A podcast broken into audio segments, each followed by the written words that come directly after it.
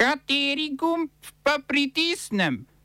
Tisti, na katerem piše OF. V drugi krog predsedniških volitev v Franciji Macron in Le Pen. Pakistanski parlament odstavil premijeja Imrana Kana. Šanghaj v primežu protikoronskih ukrepov. Ministr za zdravje poklukar o možnosti odprave nošenja mask v zaprtih prostorih.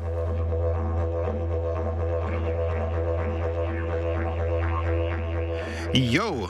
V Franciji je včeraj potekal prvi krok predsedniških volitev, ki po pričakovanjih ni postregel s končno odločitvijo francoskih voljivk in voljivcev. V drugi krok volitev, ki se bo odvil na dan slovenskih parlamentarnih volitev, sta se vrstile sedanji francoski predsednik Emmanuel Macron s slabimi 28 odstotki glasov in desničarska kandidatka Marine Le Pen, ki je prejela dobrih 24 odstotkov glasov. Na tretje mesto se je s slabimi 22 odstotki glasov uvrstil kandidat levice Jean-Luc Mélenchon, za njim pa so se zvrstili ostali kandidati, ki so pobrali zgolj drobtinice glasov francoskega volilnega telesa. Drugi krok predsedniških, francoskih predsedniških volitev, ki bo torej potekal 24. aprila, bo po napovedih zaznamovala tesna bitka med Macronom in Le Pen, ki je po prvih statistikah uspela nagovoriti zlasti delavstvo in podeželsko prebivalstvo. Vsi kandidati, z izjemo četrto vrščenega desničarja Erika Zemurja, pa so že takoj po prvi razglasitvi rezultatov prvega kroga pozvali svoje voljivke in voljivce naj glasujejo za Macrona.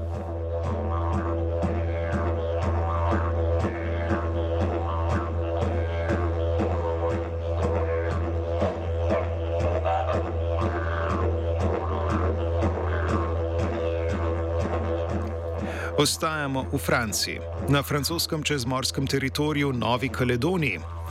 Tamkajšnje politične stranke, ki se zauzemajo za neodvisnost, so Francijo vnovič pozvale k odobritvi četrtega referenduma o neodvisnosti, če hoče Francija ob povečani prisotnosti Kitajske v Tihem oceanu obdržati svoj vpliv.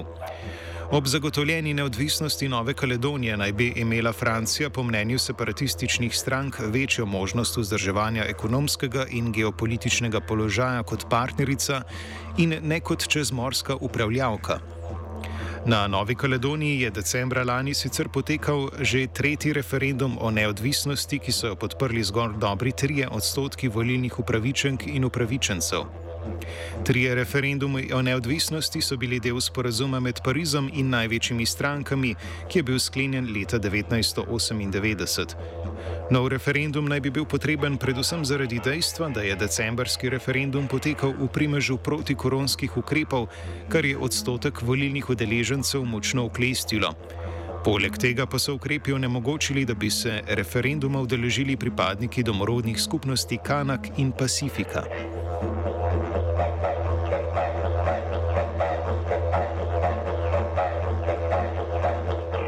Tihega oceana se selimo na Kitajsko, natančneje v samo osrčje boja proti v Evropi že pozabljenemu koronavirusu - Šanghaj.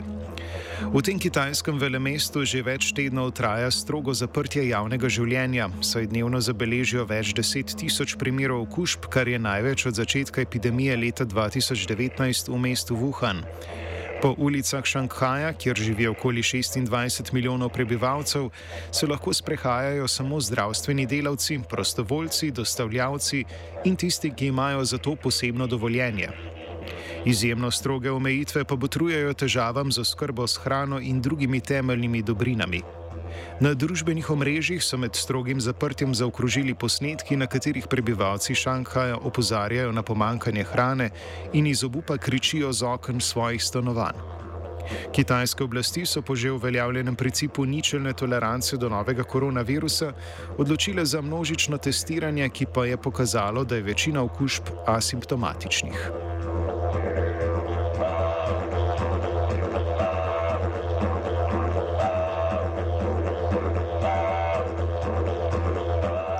Pakistanski parlament je izglasoval nezaupnico premijeju Imranu Kanu, potem ko je v začetku meseca izgubil parlamentarno večino, saj so ga zapustili nekateri poslanci njegove lastne stranke. Kan je prvi premijer, ki je moral položaj zapustiti zaradi izglasovane nezaupnice. Opozicijske stranke so sicer predlog za glasovanje o nezaupnici v parlamentu vložile že pred dobrim tednom dni, a je Kan s pomočjo predsednika države Arifa Alvija dosegal razpustitev parlamenta. Po odločitvi pakistanskega vrhovnega sodišča, ki je razsodilo v prid opozicije, pa sta bili razpustitev parlamenta in glasovanje o nezaupnici naposled le omogočena. Po odstavitvi Imrana Kana, ki je Pakistan vodil od leta 2018, je parlament že izbral novega predsednika vlade. Položaj bo zasedel vodja opozicije in predsednik pakistanske muslimanske lige Shahbaz Sharif. Ta je nekdanji predsednik največje province Punjab in mlajši brat nekdanjega trikratnega premijeja Navaza Šarifa.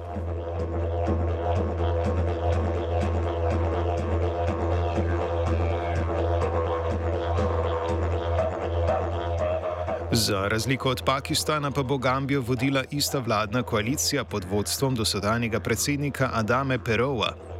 Na parlamentarnih volitvah v tej zahodnoafriški državi je njegova ljudska stranka namreč osvojila 19 od 58 poslanskih sedežev, največja opozicijska stranka, Združena demokratična stranka, pa jih je osvojila 15. Poleg 53 poslank in poslancev, ki so jih volilni upravičenci izbirali v soboto, ima Berov možnost izbire še petih poslancev in predsednika državnega zbora, kar pa mu ne omogoča vladanja z absolutno večino. Iz Gambije poročajo o izjemno nizki volilni udeležbi, predsednik Berov pa je v predvolilni kampanji obljubljal spremembo ustave.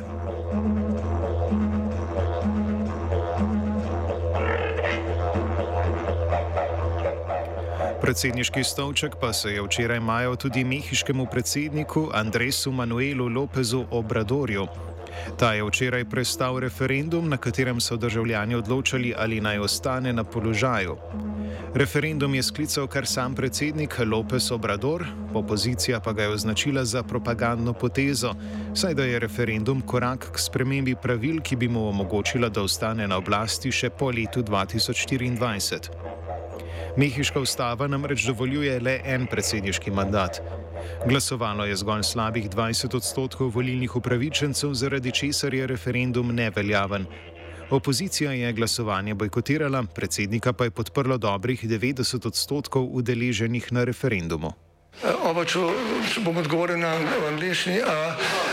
Uh, uh, Slovenija bo poskušala pomagati. Slovenija bo naredila naš utmost, da bo rekla, da je situacija naš problem, sami.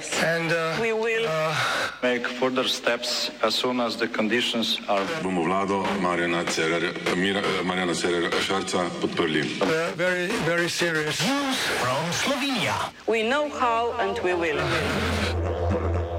Ministr za zdravje Janez Poklukar je napovedal možnost odprave nošenja mask, mask v zaprtih prostorih. Po prvotnem predlogu strokovne skupine za COVID-19, ki danes razpravlja o ukrepih, bi obvezo nošenja zaščitnih mask v večini zaprtih prostorov spremenili v priporočilo, ko bi se na intenzivnih oddelkih sedem zaporednih dni zaradi COVID-19 in z njim zdravilo manj kot 35 COVID-19 bolnikov. Nošenje mask bi bilo po predlogu obvezno le še v zdravstvu in nastanitvenih enotah socialnega varstva. Ob odpravi okrepa pa bi nošenje mask še vedno priporočali tudi vsem starejšim in imunsko oslabelim.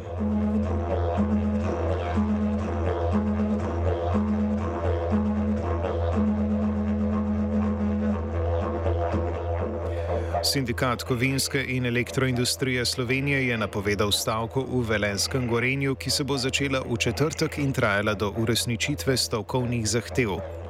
Med drugim zahteva odpravo kršitev kolektivne pogodbe, 1500 evrov regresa ter višjo stimulacijo za dodatne delovne dni. Odločitev za stavko v Gorenju dodatno obrazloži predsednik regijske organizacije Skej Velenje Žan Ziba. Mi smo se uh pač po, po razmisleku odločili, da napovemo stavko. Sicer je ta, ki je v četrtek napovedana, uh, bom rekel, v manjšem obsegu uh, stavka samo izvršni odbor konference SKEJ in izvršni odbor uh, SKEJ Gorenje GEA. To pomeni, da bo nekje 20 uh, nas sindikalistov stavkalo od, od enih do treh pred glavnim vhodom v tovarno. Vzrok te stavke je, da kljub našim opozorilom je podjetje pač izvedlo ta drugače vračunan kop, se pravi koeficient osebnega, osebnega prispevka zaposlenega, ki ga pač vsak zaposleni dobi glede na to, koliko je bil gospodaren, kakovosten in pa količino dela. Uh, to smo imeli pač nekako dogovorjeno, da je to bila masa 3%, ki se razdelila med zaposlene. Stavko pa v sindikatu opozarjajo tudi na že dlje časa trajajoče nesoglasje med vodstvom podjetja in delovstvom. Nekot je moj občutek tudi da smo prišli v eno situacijo, da ni razumevanja, uh, pa zaupanja niti na naši, niti na strani delodajalca, da se moramo tudi potruditi, da nekod pridemo na nivo, ki smo ga imeli. Uh, mogoče v tej situaciji zdaj sindikat nastavlja hrbet na mesto zaposlenih in uh, kakorkoli uh, si želimo, da bi prišlo do dogovora, da ne bi prišlo do stavke. Uh, ampak na, m, moje mnenje je tudi, da se ta elastika že zadnje čase nekoliko nateguje in, se, in prihaja do trenutka, ko, ko je nevarno, da ta elastika poči. Nihče se ne, zali, ne želi spontane stavke, da bi delavci sami obstali, zato se sindikat odločil, da stavko napove in opozori na neke uh, stvari. Uh, je pa tudi res, da Hajsens ni prišel v korenje iz ljubezni, ampak zaradi dobička, prav tako pa tudi zaposleni uh, v korenju nismo zaradi ljubezni, ampak zaradi plač. Hmm. OF je pripravil Matija.